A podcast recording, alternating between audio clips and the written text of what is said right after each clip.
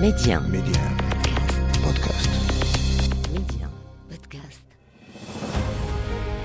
يقال من لا تاريخ له لا مستقبل له والتاريخ المغربي ماض مجيد يحفل بالوقائع والأحداث أفتح معكم أنا محمد الغول كتابه وأختار لكم منه كل أسبوع صفحة من صفحاته المشرقة صفحات من التاريخ ميدي 1 محمد الغول تاريخ المغرب أهلا بكم. يقول الشاعر الكبير محمد علي الرباوي في قصيدته توقيعات على بوابة وجدة. في بؤبؤ عيني اليمنى وجدة في بؤبؤ عيني اليسرى صمت وصدى ظل يمشي وحده.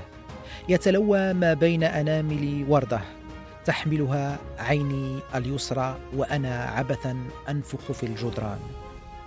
نواصل حديثنا وغوصنا في تاريخ هذه المدينة العريقة حارسة البوابة الشرقية للمغرب مدينة وجدة. تاريخ ترك بصماته واضحة بالمدينة رغم أنها شهدت فترات هدم وإعادة بناء متواصلة كما اكتشفنا ذلك من خلال العددين السابقين من تاريخ المغرب. ومن هذه البصمات أسوار تاريخية مهمة تشهد على الدور الدفاعي للمدينة. أسوار تشكل قطع منها تلخيصا لتاريخها من خلال أسماء بانيها وهادميها وهي أسوار تفتح على الجهات الأربع من خلال أربعة أبواب خارجية. هي باب سيدي عيسى الذي اشتهر لاحقا باسم الباب الغربي في الجنوب الغربي. باب سيدي يحيى الذي اشتهر لاحقا باسم باب سيدي عبد الوهاب شرقا. باب ولد عمران شمالا مدخل درب الثانية في طريق مراكش. باب الخميس غربا ما يحاذي بنك المغرب في شارع محمد الخامس. كما أن المدينة تتميز بأبواب داخلية عديدة ومن خواص مدينة وجدة التي تميزها عن باقي المدن المغربية أنها ورغم أنه عاشت بها أغلبية يهودية من أصول مغربية وجزائرية وإسبانية لكنها لم تعرف قط حيا يهوديا مغلقا الملاح. وكان معظم اليهود المغاربة يقيمون في مثلث طريق المازوزي ضرب ولد عمران سوق الغزل كما يذكر ذلك الأستاذ بدر المقري في أبحاثه. ومن بين بصمات التاريخ بالمدينة في عمرانها نجد جامع سيدي عقبة الذي ينسب إلى عقبة بن نافع الفهري القرن الأول الهجري السابع الميلادي.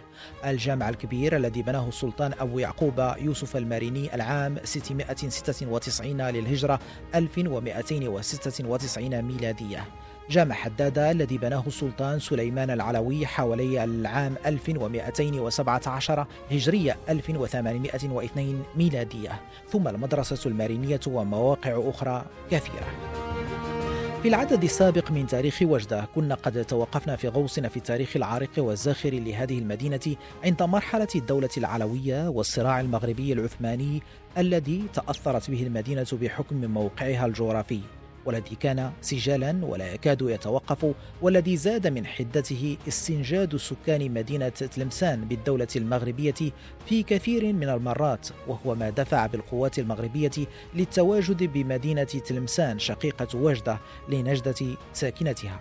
واقع استمر حتى احتلال الجزائر من طرف القوات الفرنسية وهنا يذكر قدور الورطاسي في كتابه معالم من تاريخ وجدة كان احتلال فرنسا للجزائر فاتح العام 1246 للهجرة وبمجرد ذلك استنجد التلمسانيون بالمولى عبد الرحمن وبايعوه فأنجدهم وبذل كل ما في وسعه لفائدتهم لكن شعوره بعدم وحدة تلك النواحي وظهور الأمير عبد القادر أرغمه على سحب قواته والاكتفاء بإعانة الأمير بالعدة والعدد. فكانت وجدة بعربها وبنو يزناسن برئاسة الشيخ المختار البوتشيشي القادري الذي كان من زاويته بتغجرت من بني خالد ملحقة أحفير من أهم المساعدات المباشرة له في جهاده غير أن وضعية الأمير عبد القادر تضعضعت داخليا بما حدث من خلل بين القبائل. فأخذت الجيوش الفرنسية تلاحقه إلى التراب المغربي وجدة وبني زناسن وقد أوقع بنو يزناسن بالجيوش الفرنسية أيام إيقاع وما تزال مقبرة أقبوز بشد الياء وضمها بتافو غالت والتي تضم رفات الجيوش الفرنسية شاهدة على ذلك. انتهى كلام قدور الورطاسي في كتابه معالم من تاريخ وجده. وإيرادنا هذا المقطع هنا لتوضيح أن تاريخ مدينة وجدة كان دائما متأثرا أيما تأثر بموقعها وكانت تداعيات هذا الموقع والصراع الدائري حوله يطال المدينة بشظاياه. فمثلا خلال هذه المرحلة احتلال الجزائر دفع بأعداد من الأهالي خاصة من منطقة تلمسان للتدفق على وجدة وأحوازها. وهنا يذكر الدكتور إسماعيلي مولاي عبد الحميد العلوي في كتابه تاريخ وجدة وأنجاد في دوحة الأمجاد. لقد أصدر مولاي عبد الرحمن تعليماته لرجال المخزن لتسهيل استيطان هؤلاء المهاجرين وإظهار العناية بهم. ففي رسالة له بتاريخ يوم الثلاثاء الثالث والعشرين جمادى الأولى 2246 الموافق للتاسع من نوفمبر 1830 أكد لقائد تطوان ألا يكلفهم بأية خدمة مدنية أو عسكرية فهم أحرار. ومن أراد من الطباجية أو البحرية أن يدخل مع أهل خطته عن طيب نفس منه فاقبله ولا تكره أحدا. ومن أراد أن يبقى عند نفسه فهو في سعة والتجار وأهل الحرفة كل واحد يشتغل بمعاشه في خدمة خطته وحرفته. انتهى كلام الدكتور إسماعيل مولاي عبد الحميد العلوي في كتابه تاريخ وجدة وأنجاد في دوحة الأمجاد. هذه المرحلة التاريخية كان ولا بد بحكم ما وقع خلالها. أن تنتهي بما انتهت إليه وخاصة أن الفرنسيين لم يكونوا يخفوا أطماعهم الاستعمارية في المغرب واستغلالهم دعم المغرب بالجزائر ليقتحموا بشكل متكرر التراب المغربي ودخولهم في مواجهات مع القبائل المغربية بالمنطقة حتى احتلالهم لمدينة وجدة العام 1907 ميلادية والذي تم دون مقاومة من المدينة لأن علماءها اتفقوا على عدم جدوى ذلك بسبب وضعها وضعف قدرات قدراتها العسكرية والدفاعية وحقنا لدماء ساكنتها وخاصة بعد واقعة معركة إسلي العام 1844 وما أظهرته من انكشاف ظهر المغرب عسكريا. لكن هذا لم يعني نهاية المقاومة المغربية التي تسلمت مشعلها قبائل بني يزناسن وأبلت فيها البلاء الحسن. نواصل في هذا العدد التعرف على جزء آخر مهم من تاريخ مدينة وجدة دائما مع ضيفنا الدكتور بدر المقري الأستاذ بجامعة محمد الأول بالمدينة. الدكتور بدر أهلا بك. شكرا سيدي دكتور بدر كنت بصدد الحديث عن ارتباط المدينة بشقيقة الجزائر في إطار الدعم المغربي للمقاومة الجزائرية في مواجهة الاستعمار الفرنسي. وقضايا كبرى ليست متعلقة بالعصر الوسيط أو حتى بأمور أخرى. مثلا كيف نفسر مثلا أن تهدد المؤسسات الدينيه بحال الجامعة الكبيرة أو المدرسة البريليه بمدينه وجده حتى ضمت مثلا جمعية العلماء المسلمين الجزائريين في اطار الأخوة المغربيه الجزائرية. على أساس أن المغاربه هذا لا اقولها من باب المن ولكن البعض يسعى لأن يشيطن ويتجاهل ويتمسها الصفحه على أساس أن مدينه وجده كانت قاعدة تخلفيه لإخواننا الجزائريين يبان المرحلة الاستعمارية من 1830 إلى غاية سنة 1868 فلذلك لتصالح لتصالح الناس مع ذاكرتهم التاريخية. أكيد أستاذ بدر مدينة وجدة تحتفظ بأسوار لا زالت يعني واضحة رغم أن المدينة ربما نتيجة وضعها كما ذكرنا تعرضت اسوارها للهدم أكثر من مرة لكنها تحتفظ بأسوار تاريخية لا زالت صامدة ومتينة إلى أي فترة تعود هذه الأسوار المحيطة بالمدينة القديمة؟ فلانه يعني نعود مرة أخرى أن مدينه وجده كانت ضحيه موقعها الجغرافي عبر التاريخ. فلذلك كانت هناك نواة أولى كانت هناك كانت آه، مرينية. مع الأسف أن تلك الأسوار المرينية آه، هدمت. لم يبقى منها إلا جزء صغير ولكنه آه، مغطى. ثم بعد الأسوار الماليه كانت هناك حلقة ثانية وهي الأسوار الإسماعيلية التي بنى السلطان المولى إسماعيل. ثم بعد ذلك عوجت الحلقة الثالثة التي تحيط بالحلقة الثانية والحلقة الأولى هي والتي لا تزال لحد الآن بنيت سنة 1880 وهنا الغريب في الأمر يعني عجبت كيف أن الآخر كأن يكون مؤرخا فرنسيا يوفي عناية لهذه المعالم التاريخية والناس عندنا لا يبالون بهذا الأمر. ولذلك هناك مادة آه، أكاديمية محكمة فرنسية تتحدث عن الأسوار التي بنيت سنة 1088 وراها الباقية. باعتبارها نموذجا معماريا للمعماري المغربي التقليدي. فلذلك يعني آن الأوان لمن يهمه الأمر الكرة في ملعبهم لا أساس أنهم يتصالحون مع ذاكرتهم التاريخية ولا يبخسونها المعالم التاريخية. على أساس حتى عندما نتحدث عن التنمية البشرية لا يمكن أن تتحقق تنمية الإنسان إن لم تتحول المعرفة إلى ثقافة. فلذلك عندما نتحدث عن الأصل التي لا تزال لحد الآن مع الأسف أنه كان هناك كانت فيها أربعة أبواب كان هناك باب سيدي عبد الوهاب عندما تحدث عن باب سيدي عبد الوهاب قلما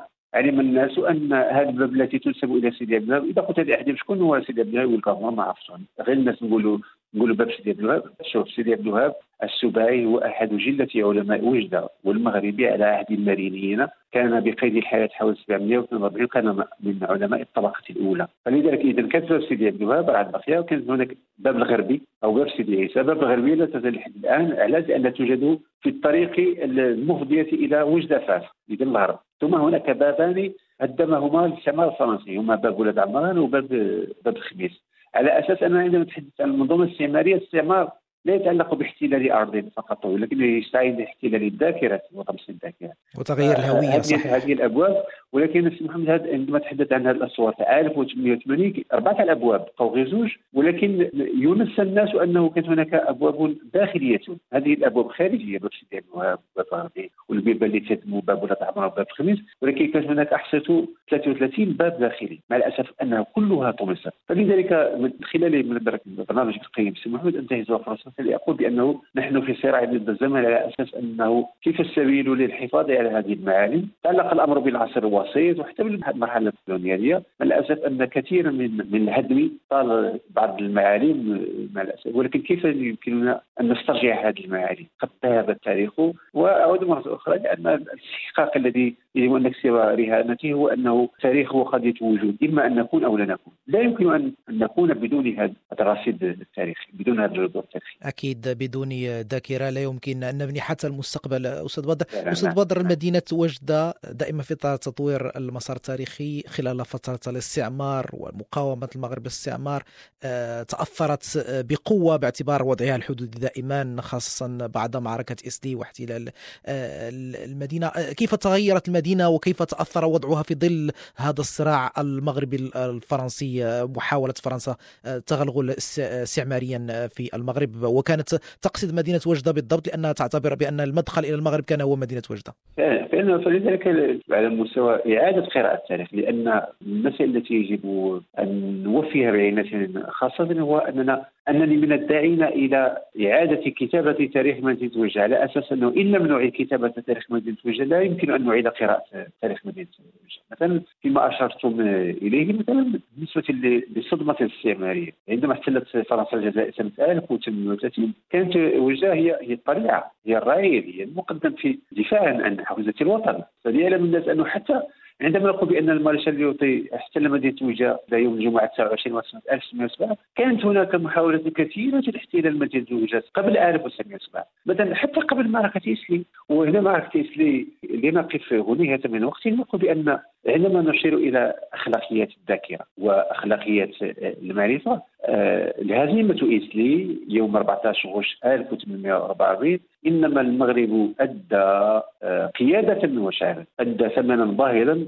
على أنه اختار صف إخوانه الجزائريين. وكان بامكان المغربي أن لا يدخل غمارات تلك الحرب ولكن من باب اخلاقيات القوة بين قوسين أنه آه، كان شد عضد الأمير عبد الجزائري.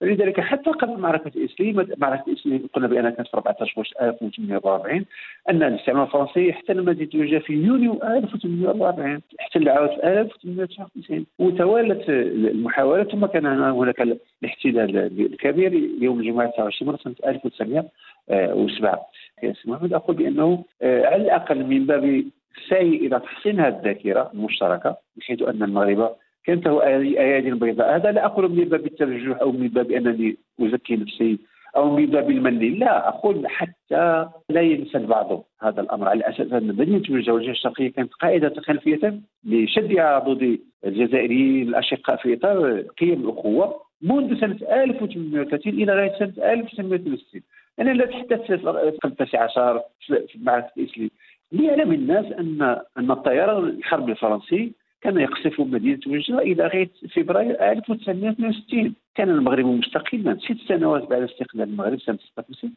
أنا في 62 في فبراير 2062 عندي الدليل على ان الطيارة الحربية علاش؟ لأن المغرب بقرار سيادي جعل من مدينة وجده قاعدة الولايه الخامسه للجيش التحرير الجزائري ومقر قيادة أركان الجيش التحرير الجزائري. فلذلك أقول على الأقل أن في إخلاق الذاكرة مما أدعو إليه أن وجدة تحتضن متحف المغاربين حتى لا ينسى الناس هذه آه، الذاكره وما وتستحقه وتستحقه سي بدر وتستحقه فعلا. فعلا فعلا آه، لأنها عاصمة مغاربية. آه، أستاذ بدر تحدثنا عن المراحل التاريخية ما خلفته بمدينة وجدة. أشرت ضمن حديثك أستاذ بدر إلى شخصية علمية في المدينة شخصية سي عبد الوهاب كما قلت إذا كان ممكن تعرفنا على أبرز الشخصيات العلمية التي آه، أرخت لمدينة وجدة آه، كشخصيات شهيده المدينة. باعتبار أنك ذكرت بأن المدينة في فترة ما كانت تستقطب آه، طالبي العلم من كل المنطقة. هذه المسألة ماشي في إطار بالنسبة للعلماء في العلوم الشرعية حتى بالنسبة للنخبة المثقفة. أنا دائما أقول بأن روح مدينة وجدة وهنا اصلها بعبقريه الزمان وعبقريه المكان. عبقريه المدينة آه، إنما هي تكلف السيفساء إنسانية العرقيه حتى نعطي على سبيل المثال. ولو أن الأمر مثلا بالنسبة للمرحلة المعاصرة قد يرتبط بالسياق الكولونيالي. مثلا أن سنة 1831 كان هناك إحصاء في مدينة وجدة. كان عندنا 26 جنسية مقيمه في مدينه وجده إذا عندنا تعدد عرقي ويواجه تعدد ثقافي. لذلك اللي تخيل الناس من يقول لهم ذكر عندنا 26 جنسية ذاك الغنى. لأن مدينه وجده عندما نقول بأن روح روح المدينة إنما هو التعدد والتنوع. أساس أنه كان واحد واحد التلاقح من الفرنسيه لا كولتوراسيون المثقفه بتعبير الكبير الخطيبي وهذا ولو انه في إطار في سياق كولونيالي آه، ولكن اعطى قيم مضافه كبرى لهذه المسألة. نعطيك على سبيل المثال مثلا غير بالنسبة للمرحله المعاصرة ذكرت مثلا بعض الأسماء. مثلا مثلا فرانز فانون هذا من فرنسي طبيب نفساني فرنسي من أصول مارتينيكية آه، أقام في مدينة وجدة لمدة سنة ونصف آه، قبيل وفاته أظن بأنه اقام في مدينة وجدة حوالي 1960 السي محمد هذا بالإضافة إلى أنه كان كاتبا ومنظرا ومفكرا فكرة العالم الثالث كان نظر لها فرانز فانون وكدت أقول بأن فكرة العالم الثالث le tiers-monde نشأت في مدينة وجدة هذا أمر أمر يجب أن نستثمره. وقتل ذلك الشيء الكثير يتعلق الأمر بعالم الثقافة من أهل مدينة وجده ايا كانت آه، مرجعياتهم الدينيه قد يكونون من المسلمين وعندما اتحدث عن عالم الثقافة من المسلمين في مدينة وجده سواء كانوا مغاربة أم جزائريين لأن النخبة مثقفه مغربيه وجزائرية وجديه أتحدث بين قوسين عن عن مرجعية يهودية مثلا جيرما عياش. جيرما عياش المؤرخ وأحد تواضع أساتذة شباب التاريخ جامعة محمد خامس الرباط توفي سنه 1990 ولد في السعيديه سنة 1915 ونشا في مدينه وجده ودرس بمدينه وجده وأصبح مدرسا بمدينه وجده وعنده هذاك الكتاب La guerre du Rif وعنده ولد عمو البير عياش يعني أكبر مؤرخ للحركة النقابية في عهد الحماية في المغرب هو البير عياش هذه هي مدينه وجده مثلا رولان باسكوف هذا لحد الآن هو توفي 1995 لم تخني الذاكرة. رولان باسكوف ابن مدينة وجده ولد سنة 1933 أكبر مختص في دراسه قضايا الساحل والتسونامي. مثلا نعطيك سمي عزيز بلال. من أبناء مدينة وجده أكبر المختصين في الاقتصاد السياسي وفي قضايا التنمية. الأستاذ محمد علال سيناصر المختص في فلسفة الرياضيات كان نائبا للمدير العام لليونسكو واللائحة طويلة في هذا. قمت بجردين اللائحة تقارب الخمسين من الصروح المعرفية العالمة على المستوى الاممي والعالمي ولذلك نعود آه، يعني من تخاطب من السي محمد ومن يستجيب لهذا النداء اللي أقول مرة أخرى. وجد بحمولتها الثقافيه الحضاريه بإمكاننا أن نجعل منها وجهة سياحية في إطار السياحة الثقافية. لأن معنى ندير بذلك السائح الذي سيفيد على مدينة توجة ماذا ستقدم له؟ أقول بأن حاليا الناس يتحدثون عن تسويق الثقافة. لم يسوق هذا المنتوج الثقافي ببنيته التاريخية. علاش أكيد آه، أستاذ بدر أضم صوتي إلى صوتك وخاصة أن